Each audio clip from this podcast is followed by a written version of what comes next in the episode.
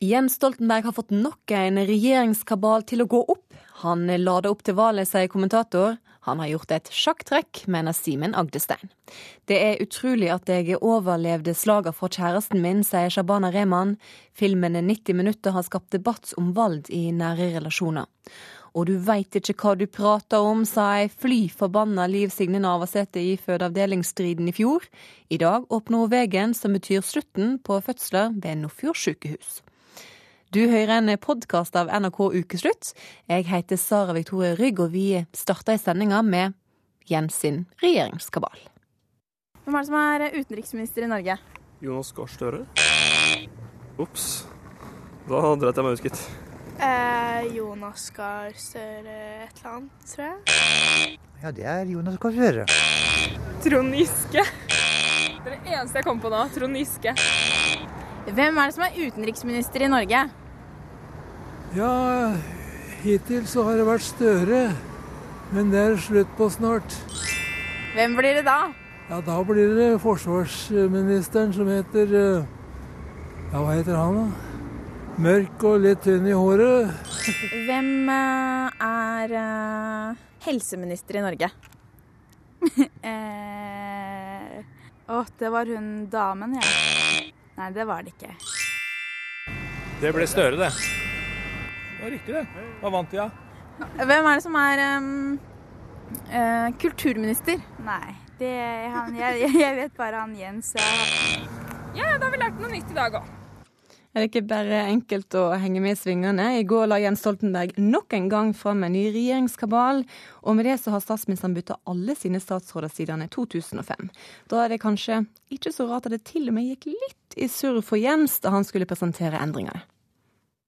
Og eh, Anne Grøt Grete Strøm Eriksen er blitt eh, ny eh, forsvarsminister. Simen Agdestein, du sto mester i sjakk. Var endringene i regjeringa et sjakktrekk av Jens Stoltenberg? Ja, eh, jeg syns det. Det er mange assosiasjoner med sjakk her. Dette med rokade. Altså Rokade er jo noe man gjør i slutten av åpningsfasen. Da får man brikkene i spill. Det er liksom det siste trekket av åpningsfasen. Man bringer offiserene i spill. Så det, eh, og det er Hva er poenget med rokaden? Eh, man bringer kongen i sikkerhet. Det er liksom eh, det ene poenget, da. Mm. Men, Jens. Jens. Det må jo være kongen som er Jens. Mm. Men man bringer også tårn i spill.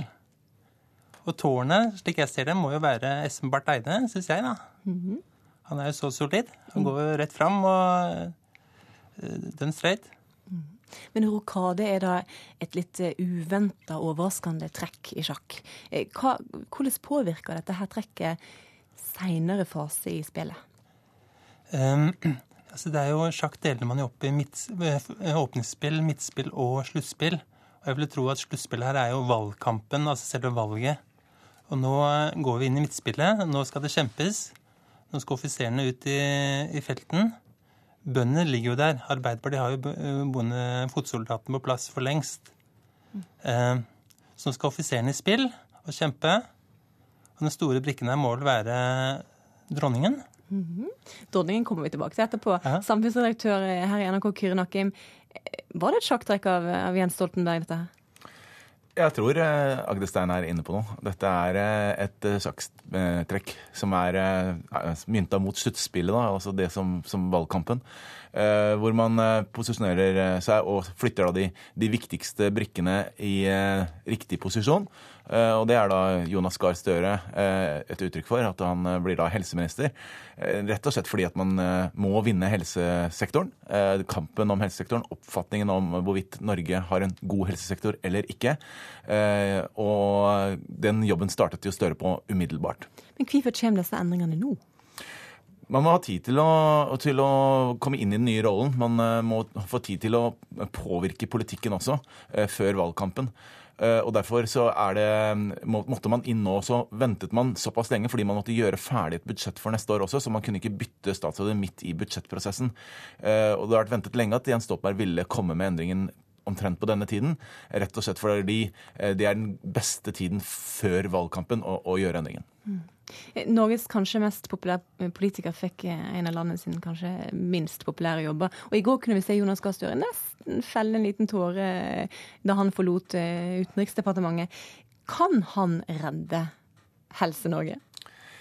Jeg tror ikke Jonas Gahr Støre kan redde Helse-Norge. rett og slett fordi det som skjer i Helse-Norge, det er en resultat av svært mange aktører og en politikk som har vært lagt for lenge siden.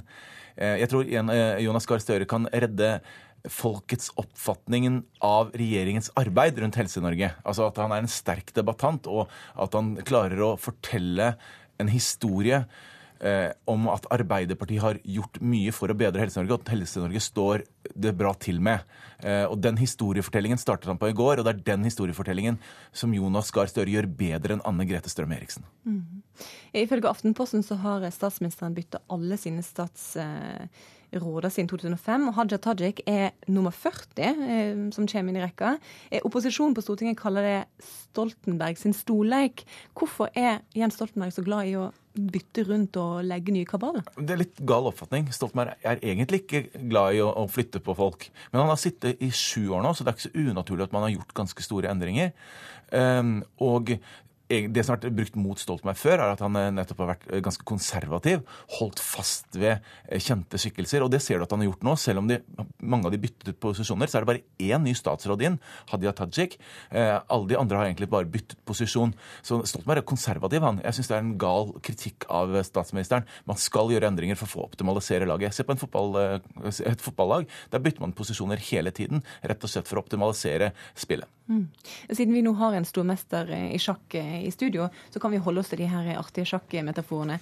Dersom Jens Stoltenberg nå er kongen på, på brettet, hvem er dronninga i dette partiet med sjakk? Kyrnaken? Det er ikke tvil om at, at, det er Jonas Gahr Støre som er det. Og så har vi noen andre brikker også. Du, Espen Barth Eide som tårn syns jeg kunne være ganske bra. Det er litt uh, vanskelig å vite hva, hva Trond Giske er, uh, om han er en springer eller han er en hest. Uh, det er nok Simen Agdestad bedre skikka til meg. Ja, men, men Agnestem, hvem er, hvem er dronninga, sånn som du ser det? Ja, Dronningen, Jonas, helt enig. Jeg ser for meg han som en sånn hvit dronning med en hvit skjorte som bare løper rundt. Han er jo den klart sterkeste brikken på chocolate, sjakkbrett, en dronning. Mm. Pussig nok. Damen som gjør all jobben. Og passer på kongen. Og passer på hele gjengen. Det er han som må gjøre jobben. Men han kan ikke gjøre jobben aleine. Jeg pleier å si at uh, sjakk er et lagspill. Man kan ikke bare suse rundt med damene aleine. Altså. Her må alle i spill. Det er et lagspill, og, og, en av de som ble tatt med på laget i går, det var, det var Haja Tajik. Og på Twitter i går så skrev nye kulturministeren For en dag! En, en av de fineste i livet mitt så langt. Jeg er takksom og audmjuk og skal gjøre så godt jeg kan for deg, kulturlivet og Norge. Hadia Tajik, gratulerer med ny jobb som kulturminister. Tusen takk. Jeg går ut ifra at du gjorde noe ekstremt kulturaktig i går for å feire den nye jobben din? I går så uh, møtte jeg embetsverket mitt for første gang, i hvert fall ledergruppa der, uh, og begynte å bli kjent med departementet mitt. Uh, jeg hadde ikke noen utadretta oppdrag da, men i morges så var jeg med på å springe ti kilometer, altså ti, ti for Grete, som man har på Oslo Maraton, som ledsager for en svaksynt. Mm. Og det var en fin opplevelse. Mm. Det er mye skriverier om deg i avisen i dag. Du er tross alt blitt historisk. Du er den yngste statsråden noensinne, og du er òg den første muslimske statsråden i Norge. Hvordan er det å være historisk i en alder av 29 år? Det, det går jo ikke an å gå rundt og, og føle seg historisk. Det, det, det, høres i hvert fall ut som et menneske jeg ikke ville synes det var spesielt hyggelig å henge med, hvis man gikk rundt og tenkte at man er historisk. Uh, så det er, det er lov å skryte litt igjen, altså. det, det, det, er i hvert fall uh, det er et historisk faktum, på en måte, som jeg bare forholder meg helt nøktern til. Mm. Og det viktigste er jo ikke å være først, det viktigste er å være god på det man gjør. Og det er jo det som må være min ambisjon, og så får jeg bare glede meg litt over alle disse andre tingene eh, ved det. Mm. På et tidspunkt der jeg, der jeg kan ta meg tid til å gjøre det. Mm. Og du er god til det du gjør. Ifølge Bjørn Håkon Hansen, din tidligere sjef, så sier han at du er så dyktig at en kan få dårlig sjøltillit av å være i nærheten av deg. Ja, Veldig raust av Bjørn Håkon å si det. Han var en veldig god sjef for meg. Han var sjefen min i Arbeids- og inkluderingsdepartementet da jeg var politisk rådgiver der fra ja, 1.12.2006, og jeg husker den datoen som en dato som forandra retningen i livet mitt. Jeg, jeg, trodde jo at jeg skulle bli journalist. Det var den utdanningen jeg hadde tatt i utgangspunktet, og, og det var det jeg tenkte jeg skulle gjøre. Men så kom den henvendelsen fra Bjarne Håkon, og, og jeg takka ja til det. Eh, og han, eh, han, tok veldig godt vare på meg i det departementet og utfordra meg i, i, riktig tempo. Mm. Er, er du flink, eh, Pike? Ja, jeg er det. Og jeg har et helt avslappa forhold til å være det. Og jeg syns det er en god ting å være en flink jente. Men hvorfor er det en god ting? Fordi eh, det innebærer at man jobber hardt. Eh, det innebærer at man er grundig og skikkelig og ordentlig, og at man til enhver tid eh, gjør så godt man kan. Og så er det klart at det òg har noen utfordringer. Blant annet så er det viktig å sette grenser, sånn at man ikke bare jobber hele tiden. Mm. Jeg tror at hvis man bare jobber og er inne på kontoret hele tiden som kulturminister, så er man en veldig dårlig kulturminister. Man må jo være ute og treffe folk og være en del av det kulturlivet som man ja, forvalter og representerer. Gå litt på konsert, gå litt på fest. Gjør litt sånn som Trond Giske gjorde når han var kulturminister. I, I, hvert fall ble jeg godt kjent med kulturlivet. Eh, og eh, klart det blir sikkert en eh, fest en gang iblant, men og kultur og kulturarbeid er ganske hardt arbeid. Mm. For det, Bjarne Håkon Hansen sa òg at han hadde kjefta litt på deg og sagt at du måtte komme deg ut og oppleve livet og møte folk og ja, gjøre det alle andre gjør. Har du tid til det? jeg, jeg, må ta meg tid til det. Og Bjørn Håkon har helt rett i det. Altså Både som menneske og som politiker er det viktig å, ja, å ha et liv utover jobben, og det har jeg aktivt eh, prøvd å skape meg. Um, men Bjørn Håkon har, altså, han har gitt meg mange gode råd som jeg tar veldig til meg, og som jeg prøver å leve opp til. fordi han har òg sjøl vært en veldig sterk og tydelig statsråd. Jeg oppfatter at du har veldig Du har det veldig travelt? med veldig mye. Eh, når skal du få tid til å nyte kulturen som du faktisk nå skal være sjef for? Eh, jeg mener at nå som jeg eh, akkurat har blitt kulturminister, så må jeg gå inn i den oppgaven med ydmykhet. Og det innebærer òg at jeg må jobbe hardt den første tiden for å være sikker på at jeg kan representere det som er min oppgave å representere, og ta de beslutningene som er min oppgave å ta, på en god måte. Du får eh, gå ut og bruke lørdagen til å nyte Kultur-Norge. da. Gå på kino eller gå på konsert eller gjøre et eller annet. Kos deg, og gratulerer med ny jobb. Tusen takk. Du er ikke en del av denne familien. Hvor tydelig må jeg være? Det er ikke noe vits å bli ufin av det. Filmen 90 eh, minutter med en brutal og konebankende Aksel Hennie i hovedrollene har denne veka sett fokus på vold i nære relasjoner. Filmen forteller tre historier om vold og drap i parforhold, men det er ikke bare på film det dystre temaet er aktuelt. Nesten ei av ti kvinner i Norge forteller at de har vært utsatt for livstruende vold i et forhold, og FN har eh, flere ganger kritisert styresmakten i Norge for å ikke gjøre nok for å forebygge volden. Ukeslutt sin reporter Steinar Solås Suvatne har møtt en som holdt på å skade den han var aller mest glad i. Når det eksploderer, da, så, så er det for min del litt ute av kroppen-følelse. Man skjønner det først etter man har lagt personen i bakken, etter han har gjort personen vondt, at uh, hva, man, hva man egentlig har gjort, eller hvor langt man har gått. Han ønsker å forbli anonym. Men mannen du hører, er en av mange norske menn som har gått løs på kjæresten sin.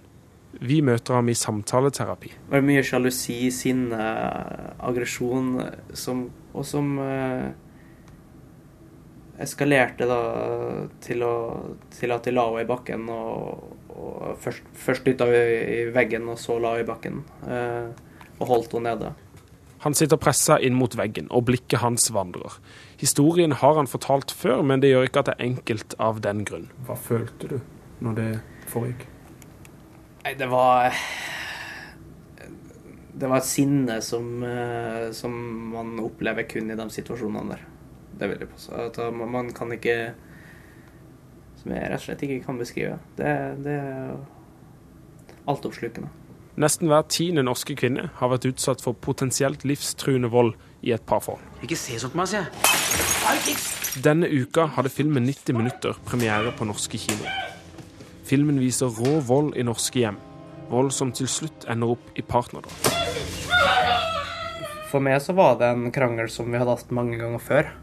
Um, som um, Men akkurat det, det som trigga det der og da, var vel egentlig at hun skulle gå. og det for meg så det satt er igjen med en reaksjon i etterkant som jeg, som jeg ikke helt har tenkt på. Altså at noen skulle forlate meg, det var liksom det som gjorde at uh, Eller forlate den situasjonen uten at jeg ble hørt, det, det var det som gjorde det hele, da. Hvert år drepes fem til syv norske kvinner av sine partnere. Bjørn Løvland er terapeut ved Reform, et ressurssenter som hjelper menn få bukt med sine voldstendenser. Det er noen årsaksforklaringer. Eh, noen har opplevd ting i barndommen som, eh, som de tar med seg videre. Mm. Fortellinger som at når jeg blir sint, så blir jeg akkurat sånn som mora mi var. Det er ikke uvanlig. Andre har vanskeligheter med å takle såkalte lite maskuline følelser, som eh, det å føle seg avvist. Eh, det at de føler de ikke blir lytta til, eller at de taper en eller annen form for en diskusjon. Kan de oppleve en form for avmakt. Så kommer sinnet som en respons på den avmakten for å få makta tilbake. Tilbake i terapien. Og nå snakkes det om en kjent tanke for mange. Første gang så tenkte jeg at uh, det her kommer aldri til å skje igjen. Uh, det tror jeg de fleste tenker. At nå har det gått over grensa. Nå, det, her, det her gjør jeg aldri igjen. Det her var det, her var det verste, verste, jeg kunne gjort. Og for min moral så skjer det igjen. Uh, og da tenker jeg at uh, OK, dette her har jeg faktisk kanskje ikke helt kontroll over. Filmen 90 minutter har satt fokus på vold mot kvinner. FN har i flere år kritisert Norge for manglende innsats og tiltak mot vold mot kvinner. Nesten annenhver kvinne som myrdes i Norge i dag, myrdes av sin nåværende eller tidligere partner. Hei, Steinar. Drap er den mest alvorlige form for vold i nære relasjoner. Doktorgradsstipendiat Vibeke Ottesen har to hovedforklaringer på hvorfor noen menn dreper sine nærmeste. Når det gjelder motiv, så vet vi at det er i all hovedsak to kategorier motiv for partnerdrap som utpeker seg. Og da er um, når kvinnen vil ut av forholdet. Og om en tolker det som uh, mannens kontroll over kvinnen eller seksuell sjalusi over kvinnen, så er det i alle fall det at mannen ikke orker at hun går ut av forholdet, det å bli forlatt av henne.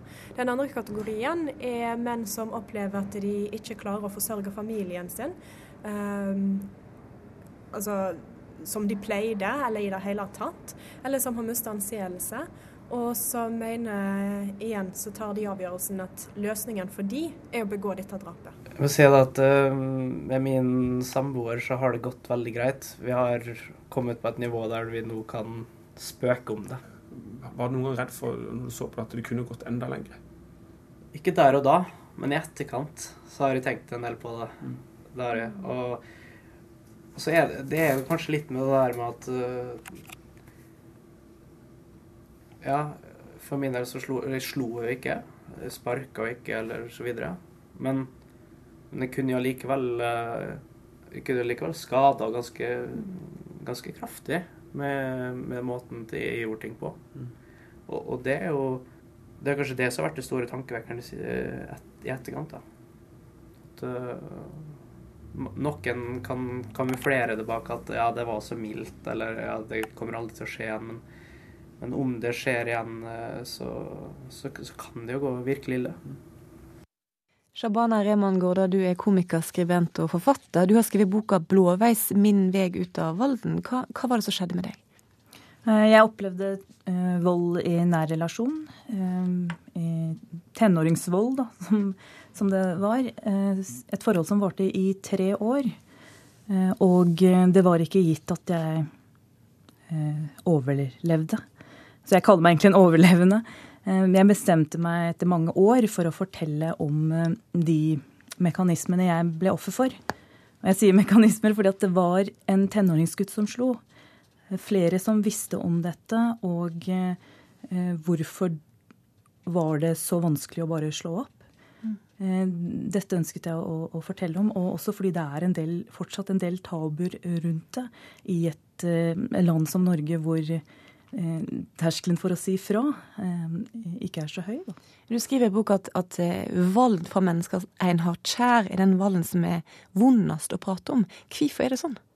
Jo, fordi at den du elsker, den du har tillit til, den som er deg nærmest, er også den du skal søke trøst hos. Og når den personen slår, så skjer det en slags ja, psykisk forvirring. Fordi du vil jo automatisk søke trøst hos den som er, er nær. Og det vil du fortsatt. Selv om den også er den samme som slår. Så de følelsene forvirrer en veldig, og som kanskje også er årsaken til at man ikke tar det første slaget alvorlig nok. For det starter jo med noe. Og, eh, og jeg skriver mye om det første slaget. For jeg fikk advarsler. Eh, vi vet nok om vold i nære relasjoner eh, til at vi forsøker å snakke med de vi ser opplever det. Og jeg fikk det at det slutter ikke. Hvis han har slått én gang, så vil det skje igjen. Når den grensen er overskredet. Men det er, det er noe med at man tror jo ikke at det vil skje igjen, at det vil vare. Man tror på en unnskyldning. Man vil gjerne tro på kjærligheten. Eh, Skuespiller Mats Austdal i filmen 90 minutter så spiller du en mann som takler et samlivsbrudd svært dårlig. Han, han, tar livet av eh, hele familien og seg sjøl. Eh, det er fiksjon, men det er jo veldig nært opp til virkeligheten. Hva er det med noen menn som gjør at de ikke takler motgang? Nei, det var jo det spørsmålet jeg altså stilte meg selv når vi begynte å, å forske litt på denne Eller jeg forsker litt på denne karakteren som jeg spilte. Eh, og noe sånn entydig svar har jeg vel ikke på det. Men det som slår meg, er jo at jeg i, for mange år tilbake gikk, gikk i terapi. Eh, for helt andre grunner enn vold, men, men eh, brukte en slags periode av livet for å, for å, bli voksen, for å si det sånn. Eh, min terapeut hun var spansk, og hun jobbet på det ene halvåret i Norge. Eh, og hun fortalte det at den store forskjellen mellom skandinaver, eller nordeuropeere, og sydeuropeere er jo deres holdning til verdien av det å være menneske. Og den sydeuropeiske, og andre steder i verden også, er jo det at, at man er en sønn, eller at man er en bror, eller at man er en mor eller en onkel, er en verdi i seg selv som er viktig å, å verne om og, og ta vare på. Mens det nordeuropeiske er jo eh, Holdningen er jo mye mer ved hva man er. Eh, I forhold til at man skal bygge seg opp en tittel, og nå har sønnen min blitt det, eller nå er datteren min på vei til å bli sånn, eller min far er det, eller min mor er sånn. Og jeg tror den fallhøyden blir da ekstremt stor. Eh, så stor at man har veldig lite å falle tilbake på når det først ramler. Mm. Knut Storberget, da du var justisminister, så sa du at valg i nære relasjoner det var en av dine hjertesaker. Og nå eh, skriver du bok om temaet. Hva er det med dette temaet som, som er så viktig? Jeg mener at det er en av de mest alvorlige kriminalitetsformene vi står overfor. Eh, for det er omfattende, og vi vet at det er også veldig mye grov kriminalitet. altså Det ender jo noen ganger med drap. Det er liksom ikke bare fiking og trusler. Eh, så vet vi også at mye av denne kriminaliteten er vedvarende. Det er sånn at det bare fortsetter. Det er et fortsatt straffbart forhold. Det er liksom ikke én episode. Eh, og så vet vi også at det skjer på den arenaen hvor folk skal føle seg tryggest, nemlig hjemme. Eh, er man ute på byen og opplever vold, så har du mulighet til å trekke deg tilbake, ta deg en kopp te og låse døra og tenke på at det var godt å komme hjem. Det har man ikke mulighet til i disse situasjonene. Og så er Shabana inne på det som er essensen i alvoret. Det er at eh, det bryter Det har en tilleggskrenkelse i seg. Altså det bryter tillit. Slik at der hvor du både skal hente støtte eh, og eh, hente muligheter for, og for godt liv, nemlig hos dine nærmeste, det er der tilliten ryker. Eh, og da står du ganske så på bar bakke. Og det, det, er grunnen til at jeg mener at uh, denne kriminaliteten uh, skal man ikke lukke øynene for. Men eh, jeg må innrømme at jeg vet at veldig mange har gru, grudd seg veldig til å se filmen og se norske menn mishandle og ta livet av sine kvinner. Fordi, også fordi det er så nært oss, så tror jeg at det blir ekstra ubehagelig. Men jeg syns ikke filmen var Eh, var så eh, brutal. Jeg syns den var for lite eh, brutal. Virkeligheten er verre enn fik fiksjonen her. Ja, må det en holdningsendring til i det norske samfunnet, Knut Storberget? Ja, det, det, må jeg nok si. Men det som er fint, og som et resultat både av Shabana Rehman sin bok og av filmen 90 minutter, det er jo at det antagelig vil kunne mobilisere. Vise noe av det man kan kanskje beskrive som en annerledeshet. Eh, selv om det er ganske vanlig hos mange. Eh, jeg syns jo filmen var usedvanlig grov. Eh, slik at jeg håper ikke at den virker utmattende på folk, og at man resignerer av den grunn. Men det man har behov for, og som jeg tror filmen og, og, og kulturuttrykk kan bidra inn i denne kampen, det er vise noe av det som vi oppfatter som annerledeshet, men også mobilisere til annerledes reaksjon. Det å få menn inn i sinnemestringsprogrammer, det er viktig. Eh, ikke nødvendigvis i fengsel i mange av tilfellene. Altså Der hvor det er eller, mildere form, og det er i starten, så kunne det være mye å tjene på å velge et annet spor. Men Er det sånn at vi må bry oss mer, altså gripe mer inn og blande oss inn i andres private sfære? Jo, men jeg mener jo at uh, det er jo påfallende uh, hvor tilbakeholdne mange er, mange av oss, og jeg sier meg sjøl også, for å kunne rapportere om slik kriminalitet som er så alvorlig. Mens ser vi altså naboens kone med, med, med, blått øye, så sier vi ikke fra. Men er det noen som klår på bilen hans, så ringer vi politiet med en gang. Nå er dette her et litt tabubelagt og vanskelig tema å snakke om. Nå har filmen 90 minutter satt fokus på et tema som kanskje gjør at andre, begynner å, andre som ikke har tenkt på det før, begynner å snakke om det. Eh, Shaban Rehman, hvordan, eh, hvordan kom du deg ut av vallen? Jeg kom meg ikke ut av den. Han døde. Og eh, jeg tror vi kan skape så mye trygghet og rettssikkerhet vi bare vil, men hvis noen bestemmer seg for å ta livet av en annen person, at det blir en besettelse og eh, Altså Hvis noen hadde spurt meg om råd, så hadde jeg bedt dem flytte fra, fra landet. Takk til deg, Shabana Remangorda, Mats Austdal og Knut Storberget. Du hører en podkast av NRK Ukeslutt. Hold fram med det å høre at gravide i Sogn og Fjordane presser på for harde livet. De vil føde på Nordfjordeid før fødeavdelinga har vært lagt ned. Og bildet av den toppløse kona til prins William har skapt bråk og rabalder denne veka. Pupper styrer verden, forklarer journalist. Du veit ikke hva du snakker om. Du veit ikke hva du snakker om. Jeg aksepterer rett og slett ikke at du står her og sier at, at Senterpartiet Jeg har brukt dager og netter på denne saken her, og så skal jeg stå her og få kjeft. Liv Signe Navarsete sto for den heiteste politiske utskjellinga i fjor, da hun havna i krangel med lokalsykehusforkjemperne på Nordfjordeid. Regjeringa sa at fødeavdelinga skulle få overleve helt til den nye veien eh, nordover til Sunnmøre står klar. I formiddag åpner veien, og dermed blir fødeavdelinga stengt. Og den som åpner veien, det er Liv Signe. Fortsatt er det lyd av nyfødte på Nordfjordeid sykehus. Men bare ei veke til, fastslår avdelingsjordmor Linda Grotle Hauge. Eh, konkret så betyr det at vi slutter med fødsler. Siden i fjor vår har de visst at fødeavdelinga forsvinner når den nye veien åpner. Da sa daværende helseminister Anne Grete Strøm Eriksen dette. Det vil eh, for store deler av den befolkningen som hører til Nordfjord i dag, bli mye kortere vei når Kvivsvegen åpner. og Derfor så gjør vi ikke den omleggingen før Kvivsvegen åpner. Dette er det som er det forunderlige. For sanninga er at det er bare 10-12 kvinner i Nordfjord, av de 300 fødekvinnene i Nordfjord som har fått kortere vei. I dag åpner Liv Signe Navarsete veien. Den revolusjonerer kommunikasjon og næringsliv, men raserer fødetilbudet for kvinner i Nordfjord. Vi har tatt med Janne på kjøretur. Det var hun som havna i krangel med Liv Signe Navarsete framfor kamera. Og Det at de klarer å rote denne veien inn i argumentasjonen, det er helt vanvittig. Nå kjører vi fra Nordfjordeid mot den nye veien sammen med hun, den høygravide søstera hennes og ei høygravid venninne. Ja. Vi tar tida. Utrolig interessert i å høre hvordan det kan bli kortere. Ja. Annelise og Siri kan fortsatt rekke å føde på Nordfjordeid, og slippe den lange veien vi nå kjører.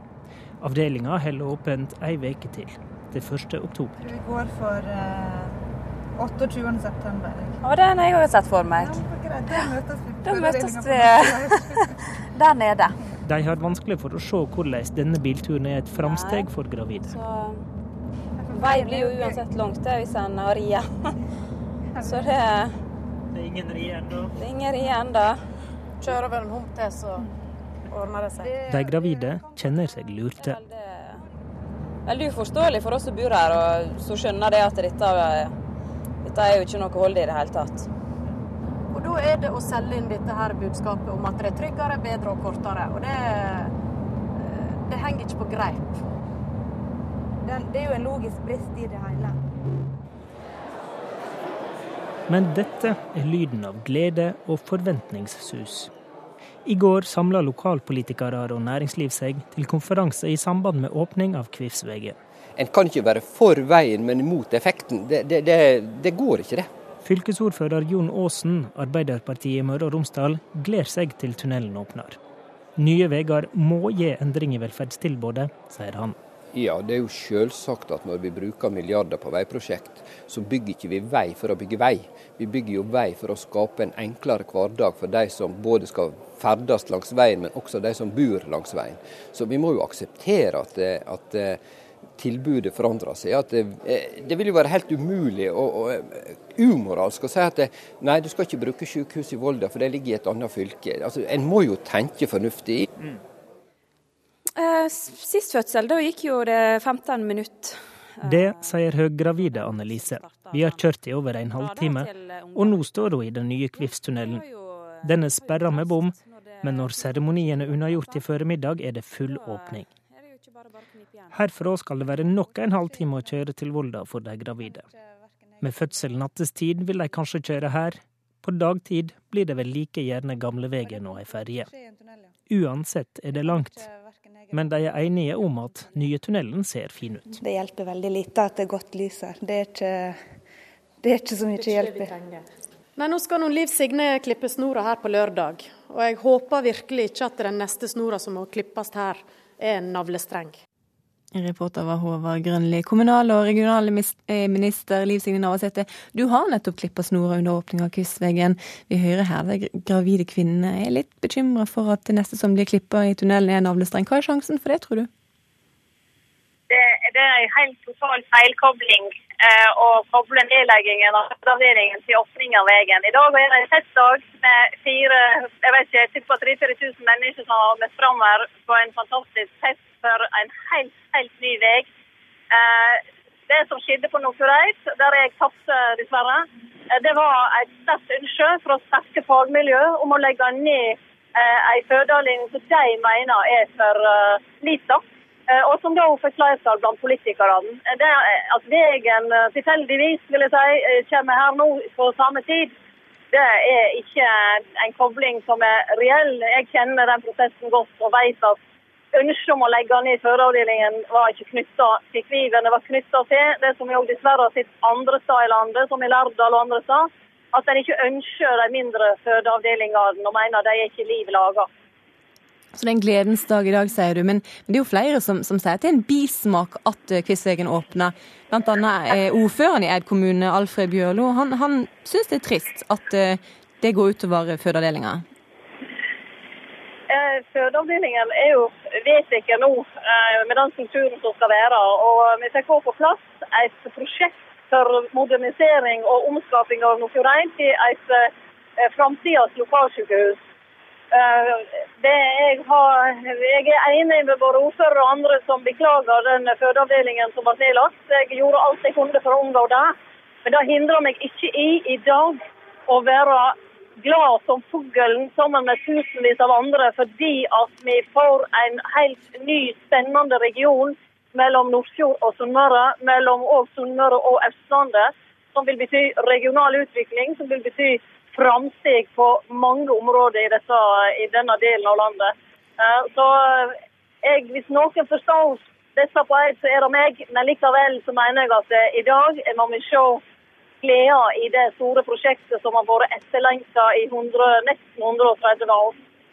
Da er vi glade som fuglen i dag. Takk for at du var med oss i Ukeslutt, Liv Signe Navarsete.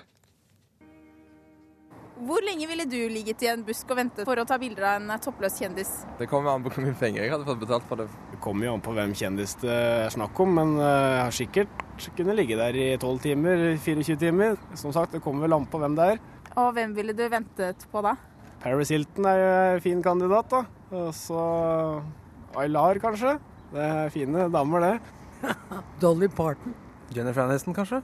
Eva Mendes eller Michelle Rodriguez. Selv det om jeg kunne selge bilder til noen, så ville jeg følt et stort ubehag ved å kunne gjøre det. Å ligge mange hundre meter unna bare å zoome inn eh, bare for å lage skandale, det er usmakelig. Det er ikke interessant for meg i det hele tatt å ta bilder av pupper, jeg vil se dem i virkeligheten.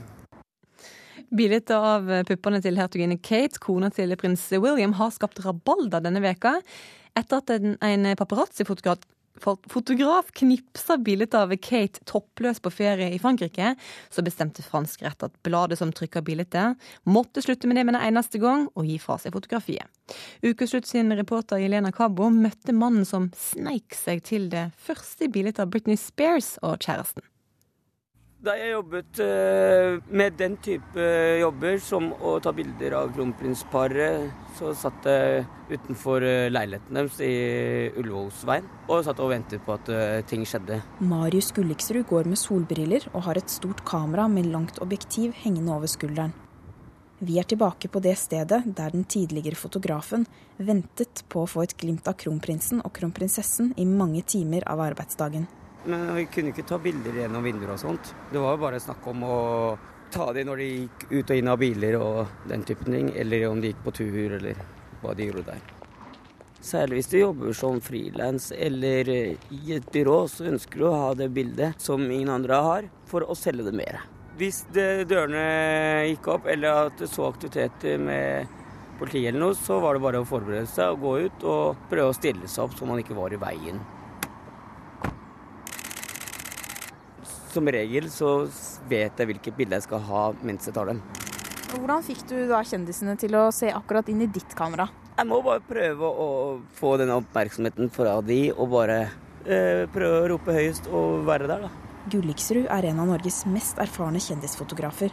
Han mener forberedelse er en viktig del av jobben, men konkurransen om å få et unikt bilde er hard. Og da er det ekstra viktig å være på rett sted til rett tid. Man prøvde alltid å få konkurrenter til å ikke være der hvis man må få bilder, for å få det eksklusivt, da. Og det var jo alltid et mål. Jeg var jo første person som tok bilder av Britney Spears og Kevin Federland, og det var jo spesielt.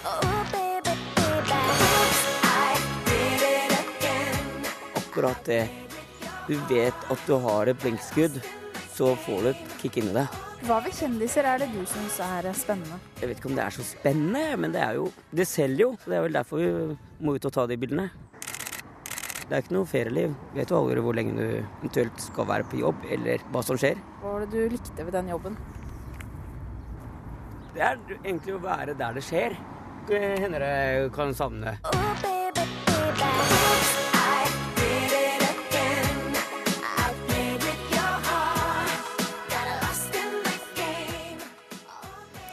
Lise Askvik, du er programleder i P4, og det siste året har du eh, slått et slag for pupp.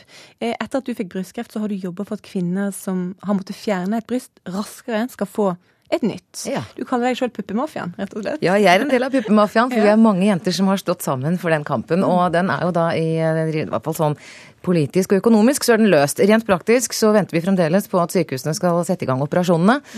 Og mye tyder på at nå løsner det snart. Nå ble det rabalder rundt de her eh, bildene av en toppløs Kate. Hva er det med denne kroppsdelen som, som skaper så masse engasjement? Ja, Først og fremst så er det jo det at det er et erotisk symbol. Eh, og vi har jo, de fleste av oss kler jo på oss eh, nettopp over puppene fordi at det er noe som du ikke viser til andre enn de du gjerne vil ha det veldig intimt sammen med. Og det er klart Når hertuginne Kate velger å kaste behåen, så mener jeg at da har hun selv invitert til en jakt. Som du hører Marius Gulliksrud si, paparazzienes jobb er å jakte. Og når du gifter deg helt frivillig med prinsen av et av verdens største imperier, og da er du ikke engang født inn i det, da velger du deg en av verdens aller mest interessante PR-roller. Og når du da i tillegg kaster bh selv om det er på et privat område, så mener jeg at hun har ganske dårlig kort på hånda. Eh, det er den ene siden av saken, og jeg skjønner jo at dette selger. Mange menn er interessert i det, kvinner syns det er interessant. Pluss at Kate har jo nydelige nydelig par pupper, selv om de er litt små. Hun er heldig, hun har jo to. Hun burde vise dem fram og være stolt. Mm. Det samme dag som, som, som det var bråk eh, rundt de her Kate-bildene. Mm. Så kom det bilde av eh, supermodell Kate Moss eh, som var toppløs. Hva er forskjellen på rojale bryst og modellbryst? Ja, det er stor forskjell. Du vet at Royale har jo blå brystvorter. nei, det var ikke sånn, nei. Skal vi se. Nei, Forskjellen er jo at Kate Moss uh, lever jo av å selge bilder av kroppen sin. Mens en prinsesse uh, lever jo, eller en hertuginne som Kate er, hun lever jo med en rolle hvor hun skal være hevet over folket. Fra gammelt av så har vi jo sant, drømmeprinsesser, prinsen. De er hevet over folket. Og det er nesten så vi ikke tror at dama har uh, brystvorter, at hun har pupper i det hele tatt. Hun er liksom nesten et sånt eterisk opphevet vesen. Men idet hun kaster bh-en og viser at hun er en kvinne av kjøtt og blod, og i tillegg risikerer å bli gjenstand for både menns og kvinners erotiske fantasier, så blir hun faktisk tatt ned et trinn. Hun blir veldig jordisk. Og nå var jeg i Marbella forrige uke og så at det er veldig inn å sole seg uten bh igjen, eller topp. Og det er tydelig at hun følger trenden. Men idet hun følger trenden, så mener jeg at da har hun også åpnet for en potensiell jakt for de som lever av akkurat dette her. Mm. Puppebildene de førte til at fransk rett måtte sette foten ned. Politiet gjennomførte razzia i redaksjonen til bladet som hadde trykket bildet. Mm. Mm. Det høres ut som pupper har veldig masse makt. Å ja, det er, makt i, makt både en innpakket og en utpakket pupp. Det er helt sikkert. I løpet av min brystrekonstruksjonskamp så var jeg veldig Flere ganger så fikk jeg se så glad jeg var som hadde fått brystkreft, for at eh, pupp selger. Folk er jo interessert i dette erotiske symbolet. Og man føler seg altså Mange kvinner føler seg veldig halvert når man ikke har det. Men eh, hadde det vært Hvis jeg f.eks. hadde fått kreft i en arm, så er jeg ikke sikker på at man har fått så mye blest, og at pressen hadde vært så interessert i å skrive om det. Det hadde vært en helt annen greie. Og, og dette med at fransk rett nå har sagt at disse bildene skal ikke videre, og det er store bøter for alle andre som velger å trykke dem. Jeg tenker at dette her har jo to sider av saken. For at eh, du vet, William, som er gift med Kate, hans mor ble jo tross alt drept av eh, paparazzi-jakt i Frankrike. Så jeg tror at William og Kate har gått til det helt uvanlige skrittet for den britiske kongefamilien å stoppe dette her. De har gått til rettssak. Og det har de gjort fordi at dette har nok hatt vekt noen gamle traumer hos eh, William. Mm. Og eh, man kan jo til viss grad forstå det ut fra det perspektivet. Hans mor døde altså i en paparazzi-jakt. Dette mm. her har han et traume på. Men eh, saken sett isolert, Kate kaster behåen og blir tatt bilde av det har jeg ikke noe særlig stor forståelse at de prøver å stoppe det. Mm. Men du sier at pupper nesten styrer verden. Hva, hva mener du med det? Nei, men det er jo pupper som styrer verden. Nei da. Det er ikke bare pupper som styrer verden. Men altså, dette erotiske samspillet mellom mann og kvinne, det er jo en sånn urkraft som er gjennomgående. Du ser det i politikken, du ser det i, i pengebingen, du ser det i, alle, du ser det i media. I alle deler av verden så ser du at spenningen mellom mann og kvinne, eller den erotiske spenningen, er jo en drivkraft hele veien. Og idet hertuginnen har blitt et erotisk vesen framfor et sånt eterisk opphøyet rojalt vesen, så mener jeg at hun har kommet et, et steg nærmere folket. Og det har to sider. For det første blir hun avmystifisert, hvilket kanskje ikke er så bra for den rojale status. Eh, på den annen side så blir hun veldig menneskeliggjort, noe som kanskje er bra for, eh, for veldig mange, og kanskje til og med for Kate sjøl. Så bak enhver sterke mann har vi et par pupper? Ja, det er en klok konklusjon, Sara. Takk for at du kom til ukeslutt, Lise Askvik. Tina Turner med 'What's Love Got To Do With It'. Så da er det på tide med litt vær, meteorolog Espen eh, Biseth Granan. Ja, god ettermiddag. Dette er Meteorologisk institutt med værvarsel gjeldende til søndag klokken 24. Først temperaturutsikter. Det ventes uendret til litt stigende temperatur og lokal nattefrost i indre strøk. Fjell i Sør-Norge får nordlig bris, skyet i østlig fjellstrøk ellers pent vær. Søndag skiftende bris og opphold. Østlandet nordlig bris, periodevis stiv kuling ytre Oslofjord. I kveld minkende. Litt regn sør for Lillehammer, ellers opphold. Fra søndag formiddag skiftende bris og oppholdsvær. Telemark nordlig bris, på kysten periodevis frisk bris. Søndag skiftende bris. Ytre strøk litt regn i dag, ellers opphold og perioder med sol. Agder nordlig bris, spredt regn lengst i øst, ellers pent vær. Søndag skiftende bris, opphold og lange perioder med sol i Vest-Agder.